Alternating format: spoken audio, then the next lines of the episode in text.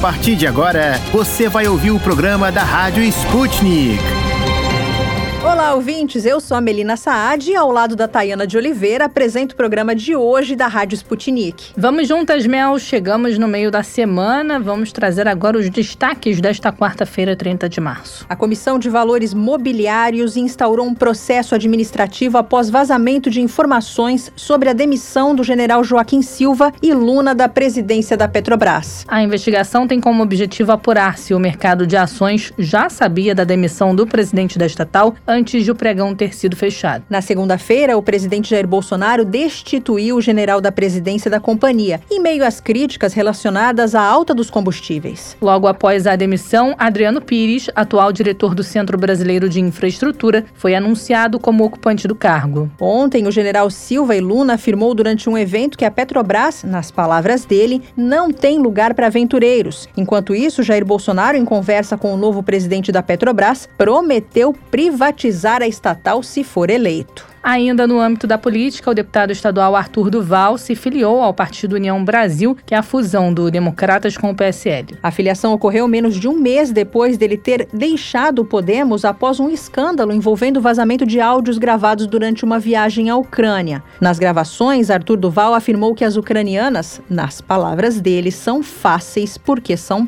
pobres. A declaração gerou repercussão. O Podemos abriu um processo interno no Conselho de Ética contra o deputado e logo Logo depois, o parlamentar foi desfiliado do partido. Além disso, o Conselho de Ética da Assembleia Legislativa de São Paulo também abriu um processo disciplinar contra Arthur Duval. No cenário internacional, o primeiro-ministro de Israel, Naftali Bennett, avisou sobre o que chamou de uma onda de terrorismo assassino árabe. Na semana passada, foram registrados três casos de ataques. Em um deles, em Bnei Brak, cidade costeira perto de Tel Aviv, onde quatro civis e um policial morreram. Segundo a polícia de Israel, um atirador armado com fuzil de assalto abriu fogo contra civis. Logo depois, ele foi morto pelos policiais. Não houve reivindicação imediata de responsabilidade pelo ataque, mas a mídia israelense disse que o atirador era um palestino da Cisjordânia que passou quatro anos nas prisões do Estado judeu. O chefe da delegação russa e assessor do presidente da Rússia, Vladimir Medinsky, afirmou hoje que a Ucrânia praticamente concordou com as exigências da Rússia de não entrar na OTAN. A declaração foi dada ao canal de TV russo Rossia 24. De acordo com Medinsky, as negociações com a Ucrânia continuam e a posição da Rússia sobre a Crimeia e Donbás permanece inalterada. O chefe da delegação russa ressaltou ainda que a Ucrânia transmitiu por escrito os princípios de um eventual futuro acordo, que prevê a recusa da adesão à OTAN, a renúncia às armas nucleares e a posse, aquisição e desenvolvimento de outras armas de destruição em massa. Nas palavras de Medinsky, a Ucrânia declarou a sua sua prontidão para cumprir os requisitos de princípio em que a Rússia tem insistido durante os últimos anos. Ontem, as delegações da Rússia e da Ucrânia começaram em Istambul a nova rodada de negociações para resolver o conflito ucraniano. Após o encontro, o Ministério da Defesa da Rússia anunciou a redução das operações militares nas direções de Kiev e Chernigov. A informação foi divulgada pelo vice-ministro Alexandre Fomin. E a Rainha Elizabeth fez a primeira aparição pública em meses nesta terça-feira. Ela compareceu a uma cerimônia religiosa em homenagem ao príncipe Philip, que morreu no ano passado aos 99 anos. A monarca estava acompanhada do filho Andrew, que fez a primeira aparição pública desde que resolveu uma ação civil nos Estados Unidos por abuso sexual. A grande congregação de 1.800 pessoas foi um forte contraste com o serviço funerário do Duque de Edimburgo em abril do ano passado, quando apenas 30 pessoas foram permitidas devido às restrições do coronavírus. A família real britânica compareceu com o príncipe Charles sentado ao ao lado da mãe e o príncipe William logo atrás dela. O assunto agora é futebol. A FIFA apresentou a bola oficial da Copa do Mundo de 2022, que será disputada no Catar. A bola é chamada de Al-Hila, que significa jornada em árabe. As cores e arte visual foram inspiradas na cultura, arquitetura e bandeira catarianas e também nos tradicionais barcos locais. A Al-Hila tem base branca, cobertura de poliuretano texturizada e 20 gomos. A bola foi testada em túneis de vento semelhantes aos usados pelas montadoras para reduzir a resistência ao vento de protótipos de veículos.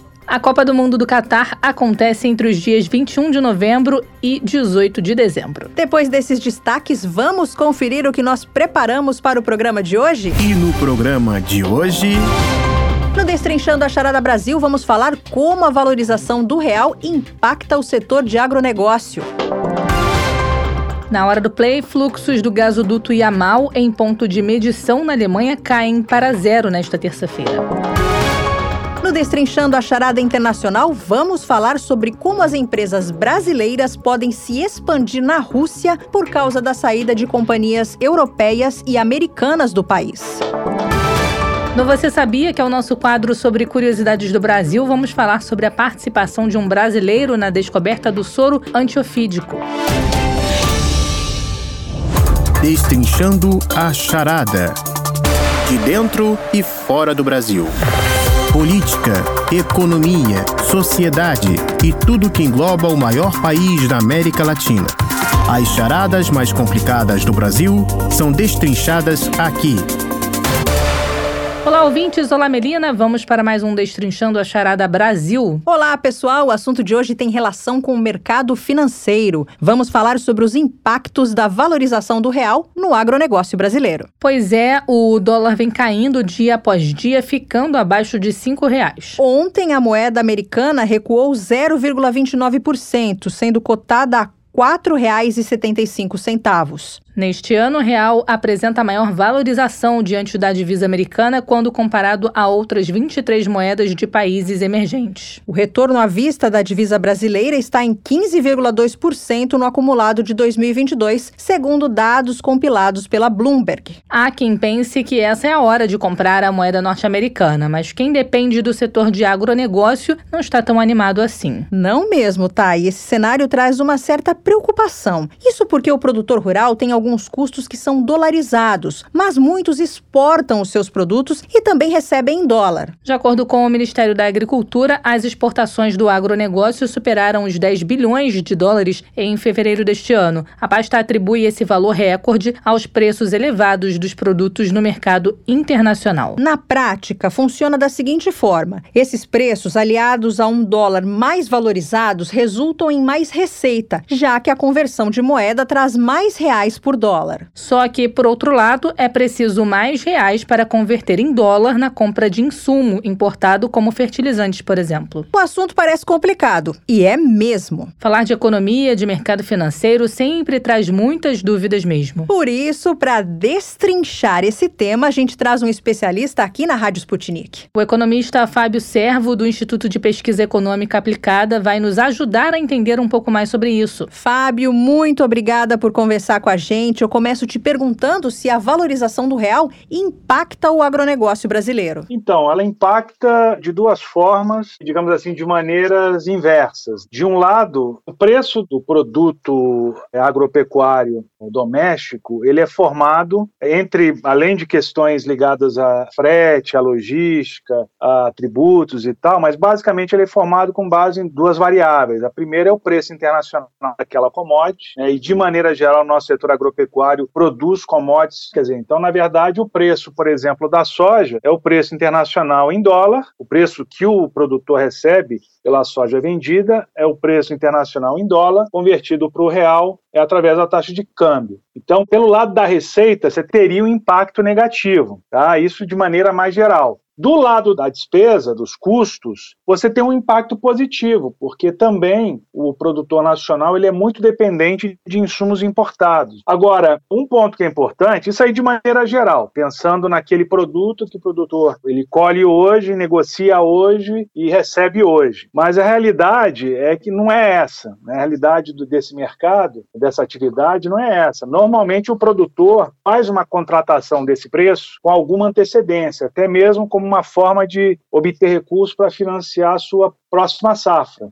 Então, a soja que está sendo embarcada hoje, em geral, é a soja da safra anterior, né, 2021, ou até mesmo uma soja mais antiga, que está estocado. Né? No caso dos grãos, como há uma possibilidade de estocagem, ainda que tenha um custo, muitas vezes o preço de negociação do produto ele é travado, né, ele é contratado num momento diferente, digamos, da conjuntura econômica internacional. Então, assim, teria que se considerar aí, assim, então, de maneira geral, respondendo a tua pergunta, é isso. Os efeitos são esse, dessas duas ordens, né, reduzindo a receita, mas reduzindo o custo também, mas tem que se considerar exatamente qual é o preço efetivamente que o produtor é, negociou esse produto que ele está colhendo hoje, entendeu? Provavelmente ele já negociou alguma antecedência. E isso é muito claramente visto quando você olha para a balança comercial pauta exportadora aí do agronegócio, você vê que o preço médio de venda, muitas vezes ele difere do preço do dia de hoje internacional do produto e do câmbio de hoje, entendeu? Então, normalmente, o preço, você vai ver hoje o preço médio das exportações do agronegócio brasileiro, assim, que a gente observou agora em fevereiro, observou em janeiro, é, você vai ver que está um preço mais alto e não está com esse efeito ainda do câmbio afetando. Quais são os produtos mais afetados com a queda do dólar? Essa é outra questão complexa, porque, de maneira geral, os grãos são culturas, né? O grão, quando eu falo, são os principais produtos né, da nossa agricultura, né? A soja, o milho, o trigo, o arroz.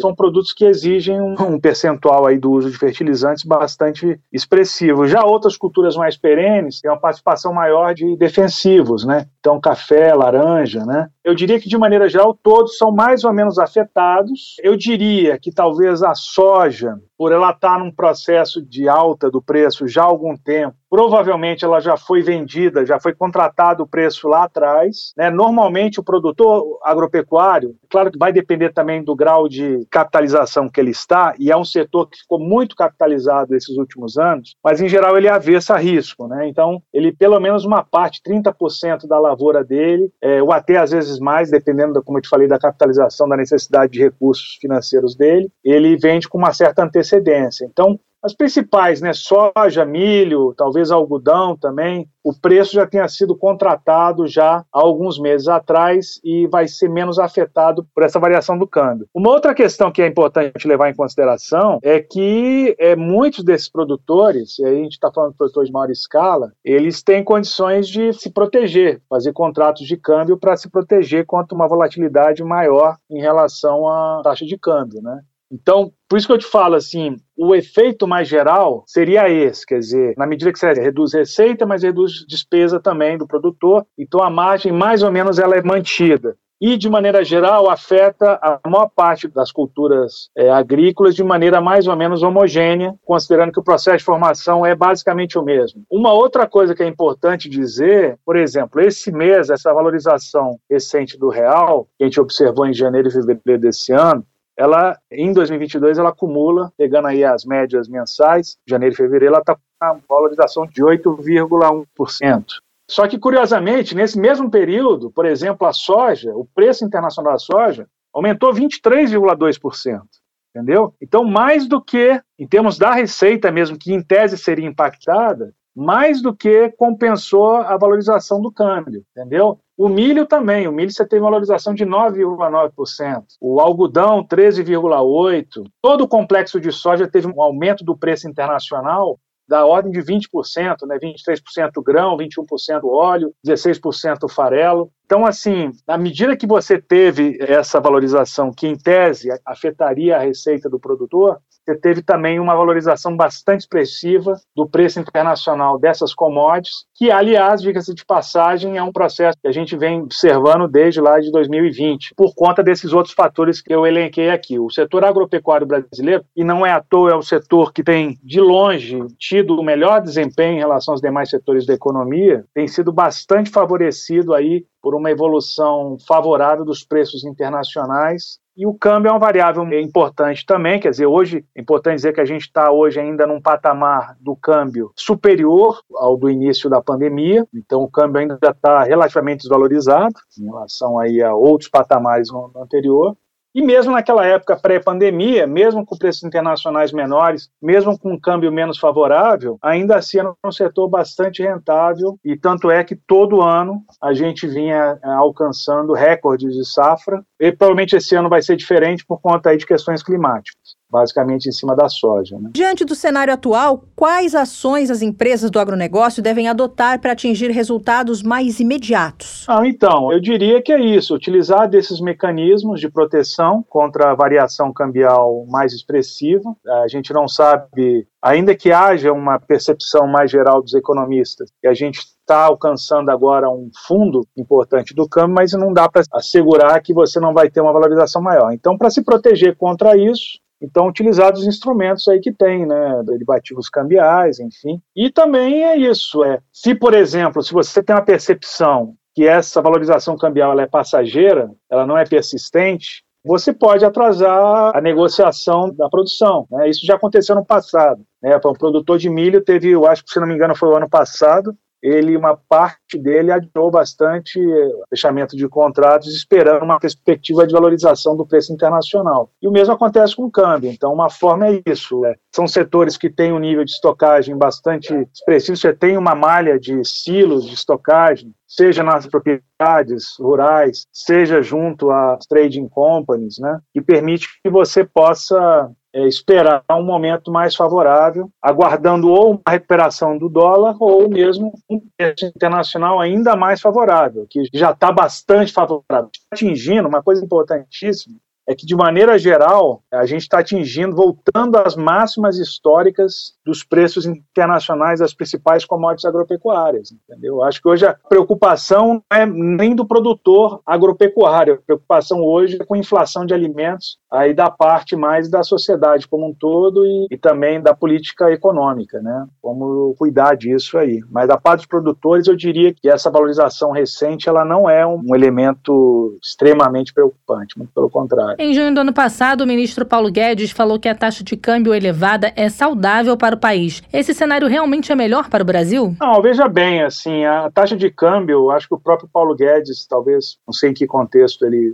exatamente falou isso, o câmbio ele não é uma variável ativa de política econômica. Ela não é que nem juros, por exemplo, não é que nem resultado fiscal, entendeu? É, o câmbio é uma variável que tem que ser livremente determinada pelo mercado. No passado, se já teve experiências bastante mal sucedidas, né, na época particularmente do Delfim Neto. Delfim Neto era um grande defensor das políticas de maxi desvalorização para poder dar competitividade para setores exportadores do Brasil. Isso até acontece, dá competitividade, sem dúvida alguma, mas você tem um efeito de segunda ordem que é bastante importante, que é a questão inflacionária, que tem outras repercussões aí em relação ao equilíbrio macroeconômico e também repercussões sobre o crescimento da economia no longo prazo. Então, assim, eu não vejo esse governo, nem os últimos governos, procurando ter uma política de desvalorização cambial sistemática para para alcançar resultados econômicos. Então, esse não é um bom instrumento para isso e a história econômica brasileira já comprovou isso. Esse foi o economista Fábio Servo, do Instituto de Pesquisa Econômica Aplicada, nos ajudando a entender mais sobre os impactos da valorização do real no agronegócio brasileiro. Muito obrigada, Fábio. Até a próxima. Agora vamos bater um papo com o pesquisador Vitor Leonardo de Araújo, doutor em Economia pela Universidade Federal Fluminense. Seja bem-vindo, professor Vitor. O senhor pode dizer como a valorização do real impacta o agronegócio brasileiro? O primeiro impacto vai se dar é, na redução dos custos. Por outro lado, quem exporta commodities também vai observar uma redução das receitas em reais decorrentes dessas exportações. Né? Então afeta nas duas pontas, afeta porque reduz os custos, afeta também porque reduz as receitas em quando convertidas em reais dos exportadores. Tá? Agora eu chamo a atenção para uma coisa. A gente está assistindo de fato esse movimento de valorização do real nas últimas quatro semanas. Esses efeitos, obviamente, eles demoram a acontecer. Né? Requer que os empresários importadores fechem os novos contratos de importação exportação a essa nova taxa de câmbio e também que os que exportam commodities fechem novos contratos a essa nova taxa de câmbio. Aí que esses efeitos são sentidos. Então, eles não são imediatamente sentidos, eles levam algum tempo para serem sentidos. Nesse sentido, eu chamo a atenção para isso. A gente precisa aguardar que esse fenômeno da valorização do real se consolide nos próximos dias, nas próximas semanas. É sempre importante lembrar que esse é um ano eleitoral, então é um ano de muita volatilidade, especialmente nessa variável específica que é a taxa de câmbio. Né? A gente espera que, é um, que seja um ano de muita volatilidade em decorrência dessas questões todas que eu coloquei aqui. Então, assim, a gente precisa aguardar que esse movimento de valorização da taxa de câmbio no Brasil se consolide ao longo dos próximos dias ou das próximas semanas. Pode explicar para a gente, para os nossos ouvintes, o que são as commodities? As commodities são produtos primários que são negociados em mercados financeiros internacionais. Portanto, os seus preços são formados nesses mercados. O produtor de soja não forma preços. Ele vai vender a soja. No mercado em que ele vender, ele vai precisar observar qual é a cotação desse preço para ele fechar o negócio. A gente está falando aqui Estou falando da soja, porque é, digamos, um dos principais produtos de exportação do Brasil. Também uma commodity, mas a gente tem também o minério de ferro, petróleo. O café, o Brasil, que no início do século XX era um grande exportador de café, né, uma economia agroexportadora, em que tinha o café como principal produto da sua pauta de exportação, também entra nessa categoria. E que impacto a queda do dólar pode causar nas commodities? Primeiro, eu acho que eu diria que em qualquer situação em que a gente vá tentar projetar quais são os impactos da taxa de câmbio, a gente precisa aguardar para ver em que patamar ela vai se estabilizar. Como eu disse aqui, esse é um ano de muita volatilidade no mercado de câmbio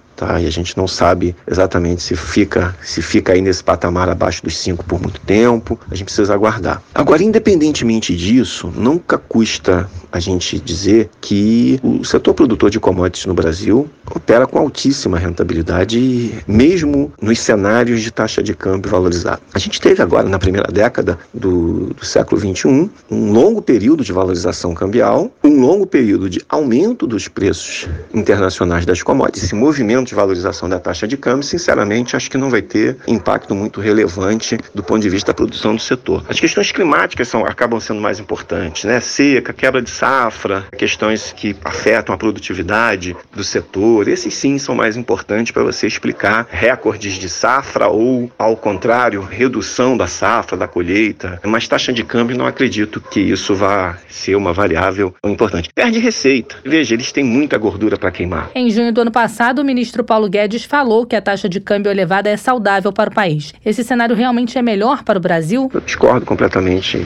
dessa fala do Paulo Guedes. Olha aí a inflação que a gente tem. Nós já estamos há alguns meses com a inflação acumulada em 12 meses pelo IPCA acima de 10%. Isso é resultado dessa baita desvalorização cambial que aconteceu no ano passado. Não pode ser bom para o Brasil. Não pode ser bom. Uma baita desvalorização cambial nunca foi bom para o Brasil em momento algum. Foi bom para o Brasil. A gente tem que pensar, ela pode ser boa para alguns segmentos, para alguns estados sociais. Tem sempre quem lucre com desvalorização cambial, tá? As quando a gente está falando de se é bom para o Brasil, os efeitos nunca são homogêneos de nenhuma política, em especial desvalorização da taxa de câmbio. A gente precisa verificar o seguinte: sobre quem recaem os efeitos positivos, sobre quem recaem os efeitos negativos de uma desvalorização cambial. Uma situação em que você desvaloriza a taxa de câmbio e a Petrobras realiza uma política de paridade dos preços internacionais do petróleo, ou seja, repassa para o consumidor interno o aumento dos preços internacionais, o resultado é esse que a gente está vendo. É, o combustível aumenta, os custos é um item que está presente em toda a estrutura de custos da economia, então esse aumento se espalha para toda a sociedade. Tá claro? É boa a desvalorização cambial se você não fizesse a PPI, se você não fizesse esta política de paridade de preço. Não é só o preço do combustível que aumenta. Quando você desvaloriza a taxa de câmbio, você aumenta o preço de todas as importações. Produtos importados estão na estrutura de custos das empresas, não é só combustível.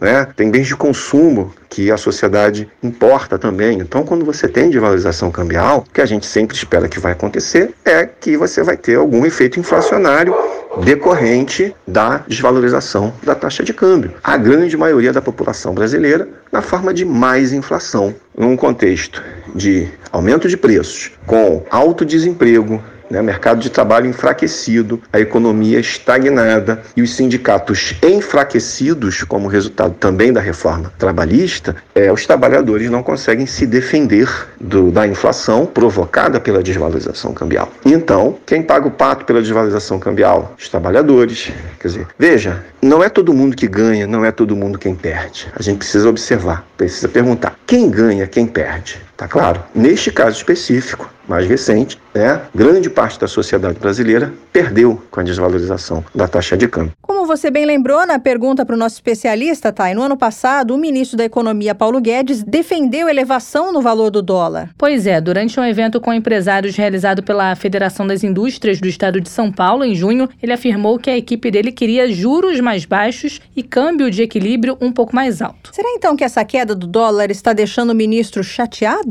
Para essa pergunta não temos a resposta, mas vamos ficar de olho para ver se o Paulo Guedes vai voltar a dar alguma declaração que tenha relação com as variações de câmbio. Esse foi o Destrinchando a Charada Brasil de hoje. Até amanhã.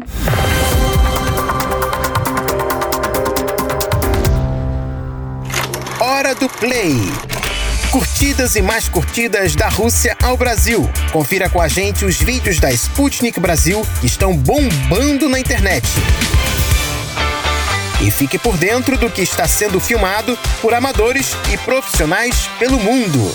Vamos nessa, Mel. Chegou a hora mais esperada do dia, a hora do play. Ah, é mesmo. Eu fico sempre muito curiosa para saber o que é que tá bombando na internet. Olha, eu adoro saber o que as pessoas mais viram e curtiram no dia de hoje. Então, já que nós ouvintes queremos, traz pra gente, Tito. Direto da Sputnik de Moscou, o que que você manda, meu amigo? Saudações, queridos ouvintes da Rádio Sputnik. Meu nome é Tito da Silva e começa agora mais uma Hora do Play. E para quem não sabe ainda, os vídeos da Hora do Play você encontra no canal da Sputnik Brasil na Odyssey. É muito fácil achar na internet. Basta escrever no seu navegador Sputnik Brasil Odyssey. Não sabe digitar Odyssey? Eu soletro para vocês. O D Y S E E. E no primeiro vídeo da Hora do Play, desta quarta-feira, 30 de março, várias unidades da Guarda Nacional do Exército dos Estados Unidos participaram do exercício bianual Van Winkle 2022 para responder a eventos químicos, biológicos, radiológicos, nucleares e explosivos no Alasca. Durante o exercício, vários cenários foram treinados, incluindo a infiltração de um laboratório simulado de armas químicas e a resposta a um acidente de avião simulando uma contaminação radioativa. O treinamento se dá enquanto os Estados Unidos têm afirmado que a Rússia pode utilizar armas de destruição em massa na Ucrânia, o que é negado por Moscou e acontece também após a Rússia mostrar documentos da participação dos Estados Unidos no desenvolvimento de armas biológicas no país do leste europeu. O vídeo você acha na Odyssey digitando Guarda Nacional dos Estados Unidos realiza exercício químico, biológico e nuclear. No segundo vídeo de hoje, os fluxos de gás russo através do gasoduto Yamal Europa no ponto de medição de Malnow, na Alemanha, caíram para zero na tarde de terça-feira, 29 de março, segundo os dados da operadora Gascad, divulgados pela agência Reuters. O caso estaria ocorrendo dias após a Rússia exigir o pagamento por seu gás natural em rublos russos, o que tem sido rejeitado por países da União Europeia. E por hoje é tudo, pessoal. Até mais! A gente sabe que alguns países europeus dependem muito do gás russo, que é o caso da República Tcheca, com uma dependência de 100%. Eu creio que essa questão deva causar muita apreensão, porque são países frios, onde se usa muito o aquecimento a gás. Sem dúvida, Thay. A gente volta amanhã com o que tá bombando na internet. Até lá, Tito!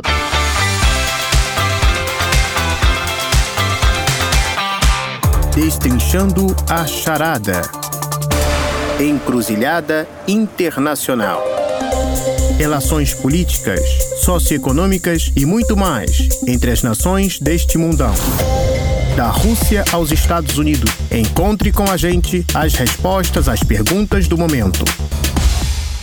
Olá, Thay querida, companheira que destrincha comigo as charadas nacionais e internacionais todos os dias e os nossos ouvintes que também estão sempre com a gente. Olá, Mel. Começa agora mais um Destrinchando a Charada Internacional com um tema que até agora eu não vi no noticiário. E qual seria esse tema? Agora eu fiquei curiosa, hein? Hoje a Operação Militar Especial na Ucrânia completa exatos 35 dias, ou seja, os olhos do mundo se voltaram para esse conflito há pouco mais de um mês. É mesmo, Thay, de lá para cá só se fala nisso. Nas negociações para um possível cessar cessar-fogo, corredores humanitários, sanções impostas pelos países ocidentais à Rússia. Como isso impacta a economia brasileira? É um outro ponto muito importante relacionado a esse conflito. Olha, Thay, se a gente for elencar aqui o número de pautas e quantas discussões surgiram desde que esse conflito começou, a gente não sai mais daqui. Verdade, mas depois desse preâmbulo todo, finalmente vamos revelar o tema de hoje. Deixa comigo então, a gente vai falar sobre o que o Brasil pode lucrar com o cenário gerado pelas sanções impostas pelos países ocidentais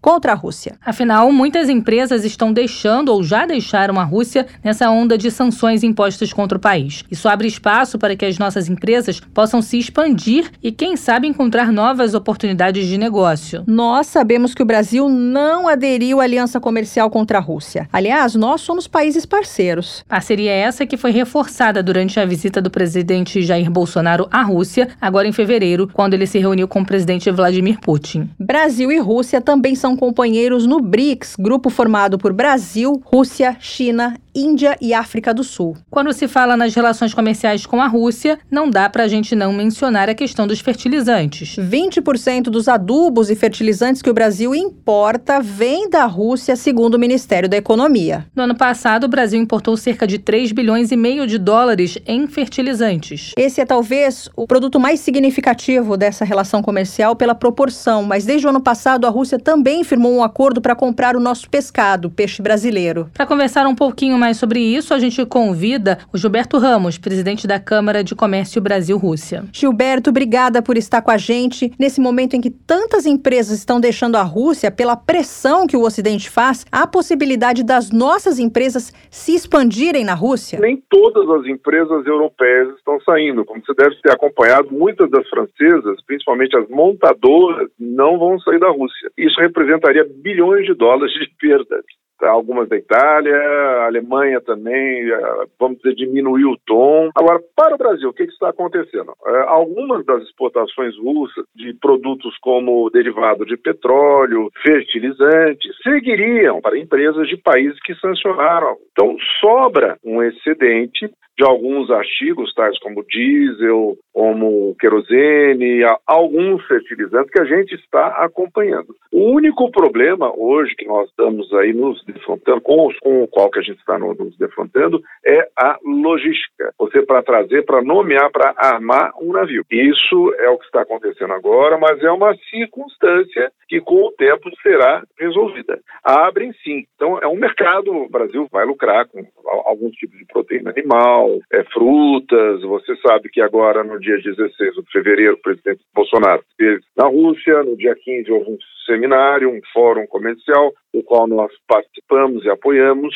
Estavam lá os representantes da proteína animal, das frutas, de maneira que eu acredito que, havendo uma acomodação, a criação desses canais, inclusive de compensações, que a questão não é apenas a logística, a questão também é transferência, uma vez que muitas das empresas estão sob sanções e desligaram o SWIFT, mas há outras formas de contornar isso, tá? com empresas fora da Rússia, criação de canais de plataformas interbancárias do Brasil com a Rússia, aí entra também uma questão de plataformas, de algoritmos, etc, etc, que poderá, eu não sou especialista, não sou banqueiro, mas é isso que a gente está trabalhando em cima. Existe ali uma projeção do quanto nós poderíamos lucrar comercialmente? Não dá para fazer uma projeção agora. O Brasil exportou, considerando aí os principais itens da pauta que eu mencionei, é, tabaco não deve aumentar, café, açúcar, carnes de uma maneira geral, a nossa exportação em 2021 foi de 1 bilhão e 600 milhões de dólares. Tá? Pensamos aí talvez em dobrar esse número com essa atual circunstância. Mas antes disso, há de se verificar os canais, canais de logística, para poder chegar até lá. E também para trazer os fertilizantes, que é uma preocupação muito grande do setor agropecuário brasileiro quanto a essa falta da chegada de fertilizantes, não apenas da Rússia, que dá em torno de 20% a 22% da necessidade brasileira, se você for somar a comunidade eurasiática, Cazaquistão, Belarus, Bielorrússia, que também exporta muito potássio, é o segundo fornecedor do Brasil, chega a quase 40%. Então, quer dizer, isso preocupa naturalmente o setor do agro. Não tem como comprar mais do Canadá, porque o Canadá também tem os seus clientes, não vai dar para suprir tudo isso. Ontem a gente conversava sobre o incremento da produção de biofertilizantes nacionais que pode eventualmente também ajudar os produtores locais. Existem subsídios, existem projetos da Embrapa, juntamente com o Ministério da Agricultura, Pecuária e Abastecimento nosso. Evidentemente, não vai substituir num primeiro momento a eventual falta, mas temos ainda um estoque por uns três a quatro meses aí de fertilizantes até que essa situação possa ser resolvida. Em que áreas exatamente o Brasil poderia aumentar as exportações para a Rússia? A proteína animal, frutas, alguns tipos de grãos, é soja, milho, a gente tem uma produção pequena, mas também poderia aumentar. Eu vejo um fluxo muito de lá para cá, questão de infraestrutura, projetos de investimento, a parte de pescados. Você deve saber que a questão de um ano atrás o Brasil assinou um acordo com a Rússia, onde três das principais empresas de pesca da Rússia estão pescando em águas territoriais brasileiras. Pensa-se também aí na possibilidade de investimentos em entrepostagens aqui, em processamento. Abre-se uma possibilidade. Evidentemente que aí o Brasil está exportando peixes pescados para lá, né? mas beneficiados, trazendo esses projetos para cá para o Brasil, no setor de pesca e de infraestrutura. Grãos deve aumentar alguma coisa, proteína animal possivelmente também. Essa relação poderia ser facilitada pelo BRICS? Sim, logicamente. Veja, a Rússia já tem uma relação com a China muito importante. O gesto da ida do presidente Bolsonaro em 16 de fevereiro, dizendo que era solidário, que apoiava a causa, etc., e até agora essas manifestações brandas da nossa diplomacia, isso contempla um fortalecimento. O Brasil não está sancionado. Esses dispositivos interbancários, a relação de investimentos, principalmente, que é algo que a gente vem trabalhando ao longo de muitos anos, não apenas para manter a corrente comercial bilateral, o comércio ele pode alterar dependendo de circunstâncias. Mas se há uma relação de investimentos, de empresas brasileiras na Rússia e da Rússia no Brasil, nessas áreas aí que eu menciono a você, essa corrente ela pode dobrar, triplicar, aumentar muito e se manter.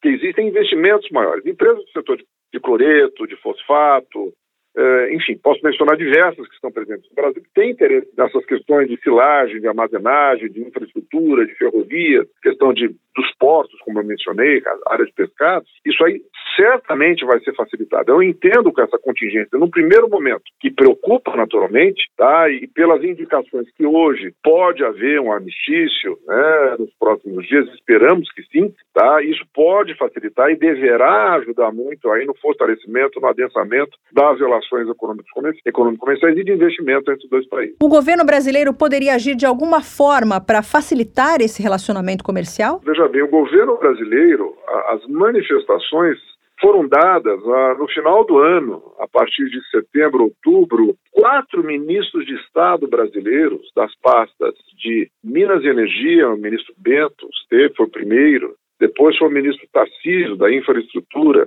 depois foi a ministra Tereza Cristina, da Agricultura, Pecuária e Abastecimento, e, por fim, o chanceler, o ministro das Relações Exteriores, Carlos França, quando foi feito o convite, na visita com o chanceler Sergei Lavrov, para que o presidente visitasse a Rússia, e o presidente esteve na Rússia. Quer dizer, manifestações mais inequívocas, claras do que essa, não podem ser dadas. Então, nós aqui, que trabalhamos no setor empresarial, trabalhando com empresas privadas, com o setor produtivo, efetivamente produtivo brasileiro, o nosso papel é trazer essas informações, auxiliar na criação de canais financeiros. Essas últimas manifestações, na ida de quatro ministros brasileiros?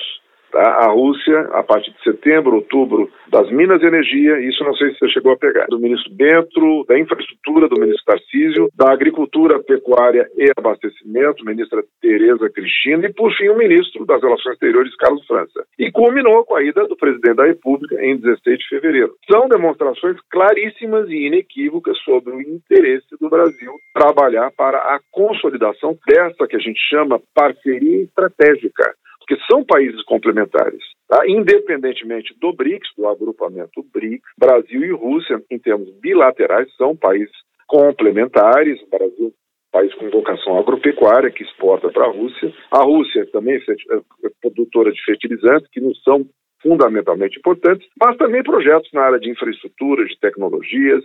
É, durante a visita do presidente Bolsonaro, acompanhou o ministro da Defesa, Braga Neto, que também, e nessa ocasião foi assinado um acordo de cooperação técnico-militar. Enfim, que são tecnologias duais, que servem também a propósitos civis. De maneira que, Melina, é, é um quadro, havendo, vamos dizer, uma uma adequação a esse conflito. É, havendo o armistício, isso é importante que ocorra também, haverá um campo vastíssimo para a gente trabalhar. Ah, e, e para fomentar essa relação a níveis que jamais nós chegamos a. Nós falamos aí sobre uma relação bilateral de investimentos, de investimentos da ordem de 40 bilhões de dólares, em áreas estratégicas como essas que eu estou mencionando. Esse foi o Gilberto Ramos, presidente da Câmara Comercial Brasil-Rússia. A gente agradece muito pela sua presença aqui na Rádio Sputnik. Esperamos contar com o senhor em outras oportunidades. É isso, pessoal. Então, Destrinchando a Charada Internacional termina aqui. Amanhã tem mais.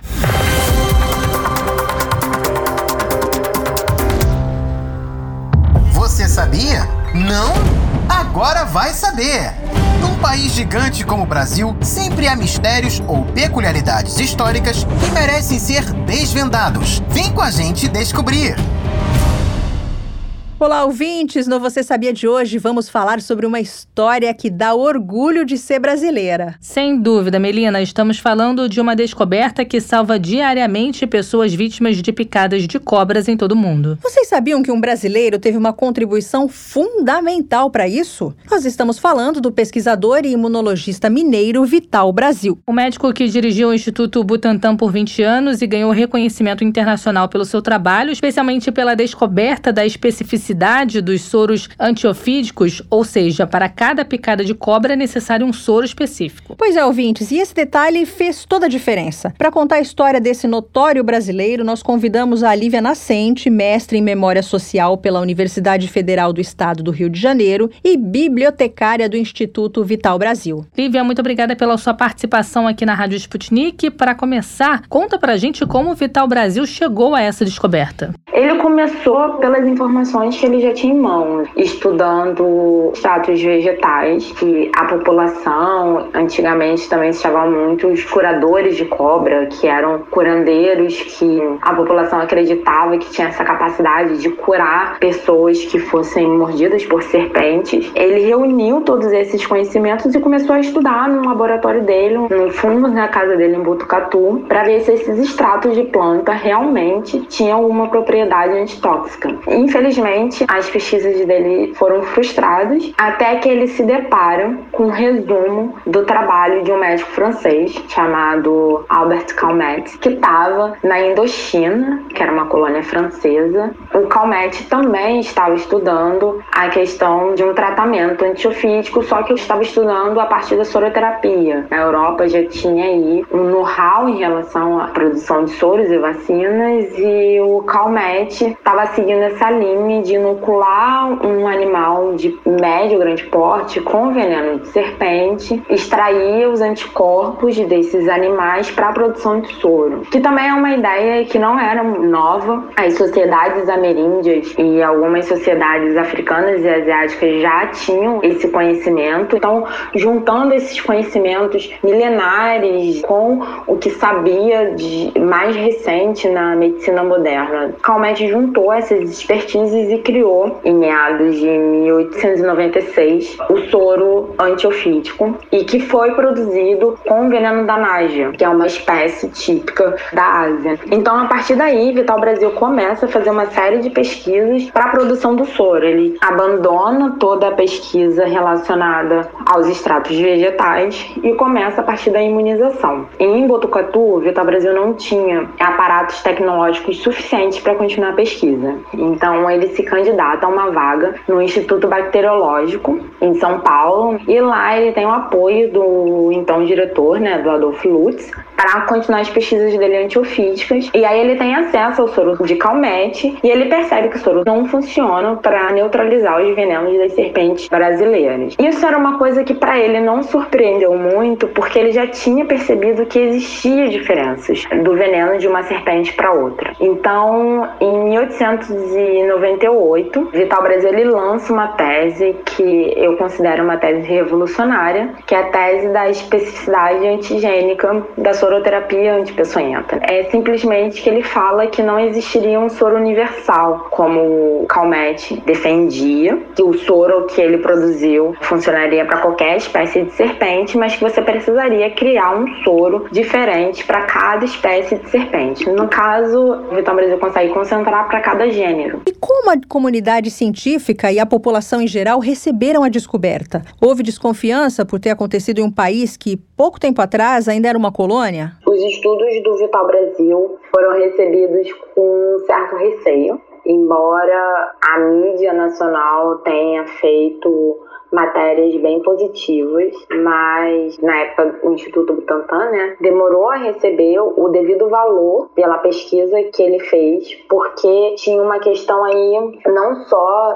de ser uma pesquisa desenvolvida no Brasil, que era um país desvalorizado em termos científicos, mas também porque Vital Brasil desenvolveu um tratamento que favorecia a uma parcela da população já muito invisível. As maiores vítimas dos acidentes ofídicos eram a população pobre rural. A invisibilidade dessa população fez com que faltassem investimentos públicos e privados, não só para a produção do tratamento em si, mas para a própria distribuição. A tese da especificidade antigênica do soro antiofídico defendida por Vital Brasil, né, é desenvolvida e criada por Vital Brasil, ela não foi nem um pouco bem recebida pela comunidade médica internacional, justamente porque ela gerou um embate direto com um médico francês de grande prestígio internacional. Então a soroterapia ela já estava minimamente estruturada, pelo menos no estado de São Paulo, entre a década de 10 e de 20, que foi o período que Vital Brasil era diretor do Instituto Butantan. Ele fazia todo o sistema de permuta desses soros. Os agricultores, quando estavam trabalhando, se encontrassem serpentes peçonhentas, eles capturavam essas serpentes e enviavam para o Butantan em troca recebiam as ampolas e as seringas de soro de forma gratuita. Então já estava tendo uma aceitação popular muito melhor da soroterapia, embora ainda não chegasse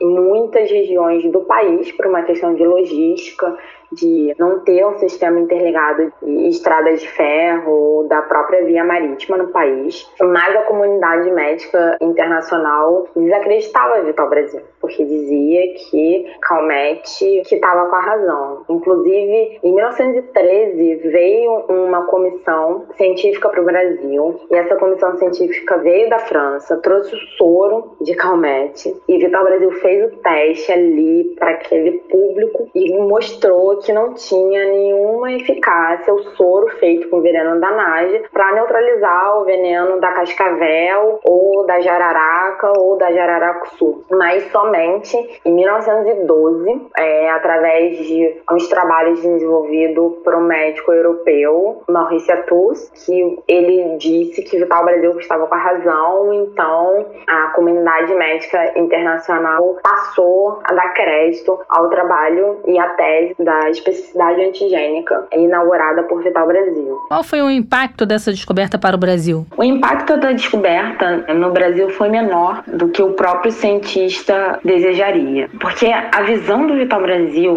foi assim muito inspiradora, né? Ele não se contentou em desenvolver um tratamento que já foi um trabalho muito árduo de desenvolver tratamentos, né? Porque é, a partir do momento que ele percebe que ele desenvolve a tese da especificidade antigênica da soroterapia antiofídica, ele tem que desenvolver tratamentos que o princípio pode ser o mesmo, né? Você inocular o no cavalo, tirar o anticorpo para produzir o veneno, mas a questão da quantidade de veneno inoculado dos antígenos, isso varia de espécie de serpente para espécie de serpente. Quantidade de ampolas que tem que ser administradas, porque a potência dos venenos variam. E Vital Brasil não se limitou a esse trabalho que para mim já é hercúleo. Ele ainda desenvolveu todo um programa para garantir o acesso a esse medicamento, que é o sistema de permutas. Então ele trouxe a comunidade para trabalhar, primeiro junto com o Butantan, depois junto com o Instituto Vital Brasil, capturando as serpentes. Então ele sabia aonde cada espécie tinha uma população maior, o número de serpentes que recebia por estações, ele também conseguiu mapear qual era a frequência dos acidentes, geralmente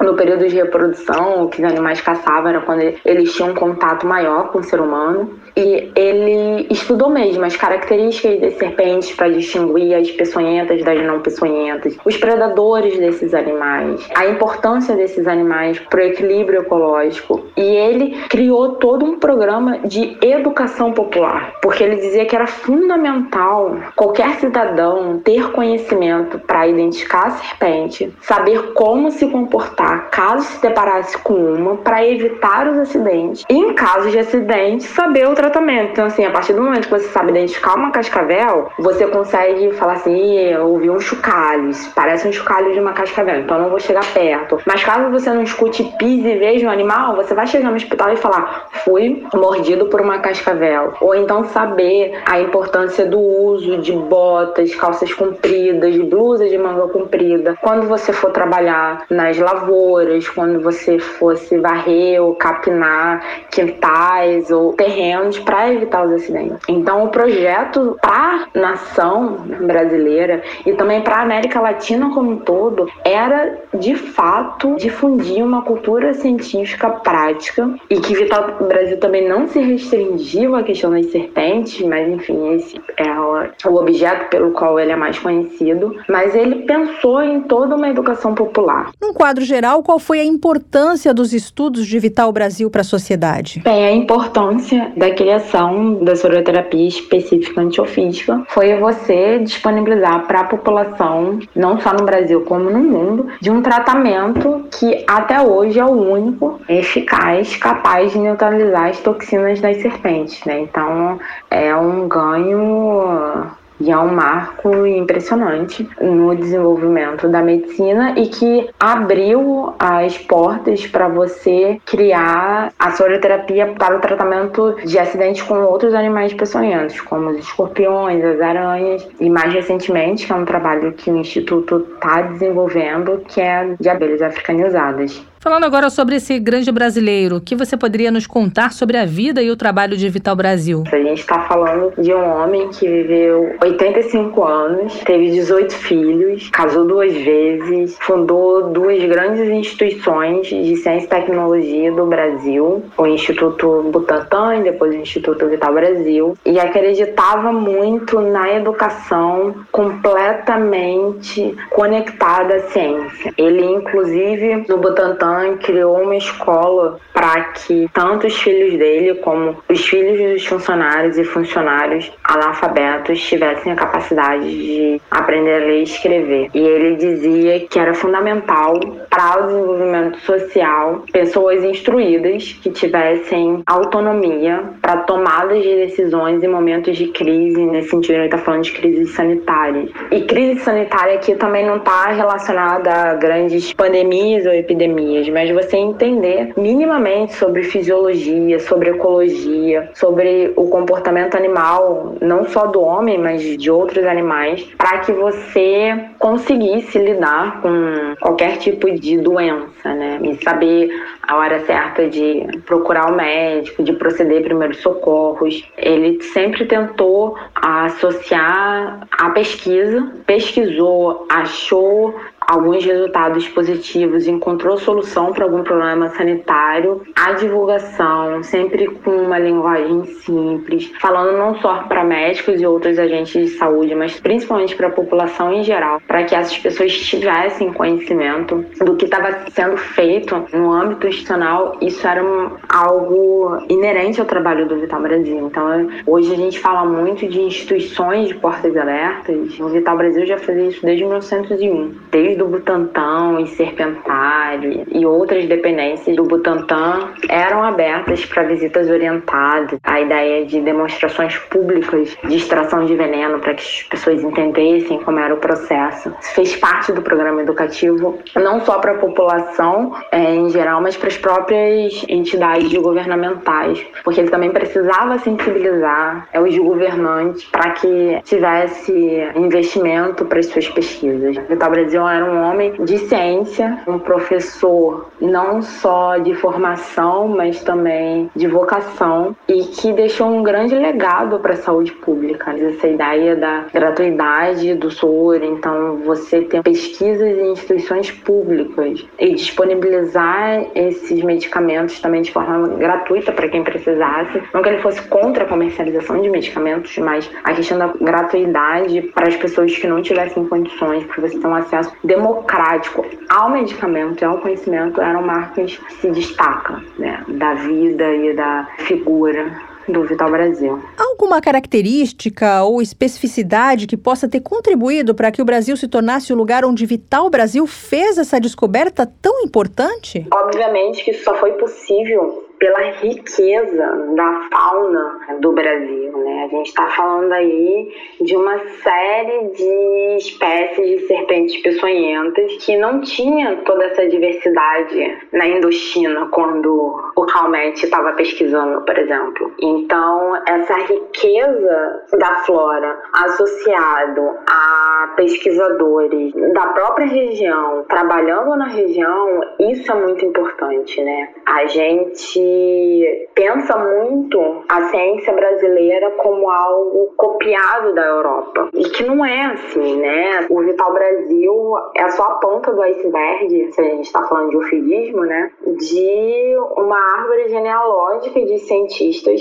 que se debruçaram para as doenças e para a história natural do Brasil e que produziram, produziram e mantiveram aqui conhecimentos científicos riquíssimos e que foram essenciais para a gente entender todas, não todas, mas pelo menos uma grande parte dos nossos problemas de saúde, como qualquer sociedade. Então, essa ideia de que tudo vem da Europa faz com que essa história ela seja muito invisibilizada. O Vital Brasil, ele acaba, até pela persistência dele e por ele se manter firme nas suas convicções, então em nenhum momento ele se sentiu coagido ou inferiorizado ao discutir discutir com o Calmette em relação às suas pesquisas e aos seus resultados, e isso é fundamental, sabe? Assim como o Digital Brasil, a gente teve outros pesquisadores também, e que isso acaba se perdendo na história quando a gente tenta evocar uma ciência puramente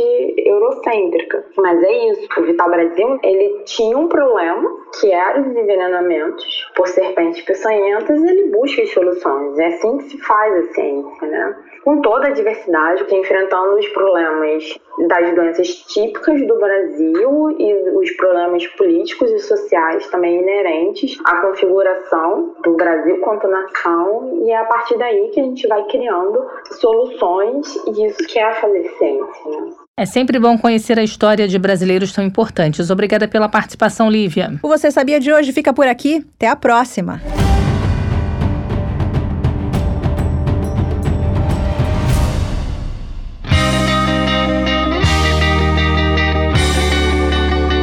Deu Russo. De notícias bizarras do Brasil já estamos mais que saciados. E as bizarrices que acontecem na Rússia, hein? É outro nível, rapaziada. Ih, deu russo! Tá, e você já assistiu a algum dos filmes da franquia Bad Boys? Olha, Mel, não é um dos meus favoritos, até porque eu não gosto muito de filme de ação policial, que tenha tiroteio, mas eu sei que quatro filmes já foram lançados com os personagens principais sendo contracenados por Martin Lawrence e, claro, o Will Smith. Para quem nunca assistiu a nenhuma das partes dessa franquia, além de toda a ação incrementada por perseguições policiais, os filmes Bad Boys trazem um lado muito forte de comédia. Daí a junção de ação e comédia não poderia dar errado não é mesmo, ouvintes? O primeiro filme da franquia foi lançado em 1995 e ganhou o público brasileiro. Já o segundo entrou em cartaz em 2003, ou seja, oito anos depois do primeiro. Mas nada comparado ao terceiro filme da franquia, o Bad Boys para Sempre, que demorou 17 anos para ser lançado. Um tempão, hein? Estreado em 2020, o Bad Boys para Sempre tomou o primeiro lugar da bilheteria brasileira, arrecadando 7,2 milhões de reais só na estreia. E o sucesso foi sentido nos Estados Unidos também, pois lá só na estreia, a terceira parte do filme arrecadou 148 milhões de reais. É muito dinheiro, caros ouvintes. Muito mesmo. E quando rola muito dinheiro, novas partes não param de ser lançadas. E pelo visto, tem muita gente na Rússia esperando a quarta parte de Bad Boys, pois um russo decidiu fazer uma manobra, digamos, perigosa em uma Mercedes. O Bad Boy da Rússia decidiu se exibir, isso sim, em um carro de luxo e falhou vergonhosamente. Sabe contar aí, Melina? Bem, porque a pista escolhida não era lá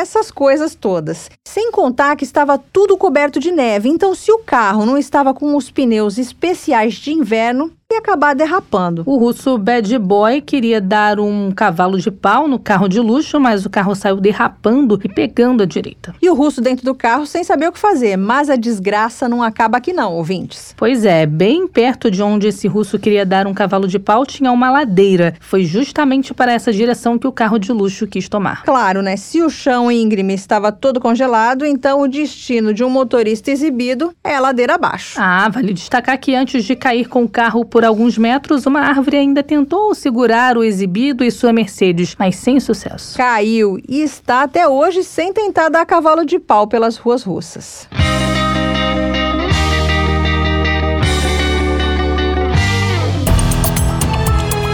Hora de dar tchau.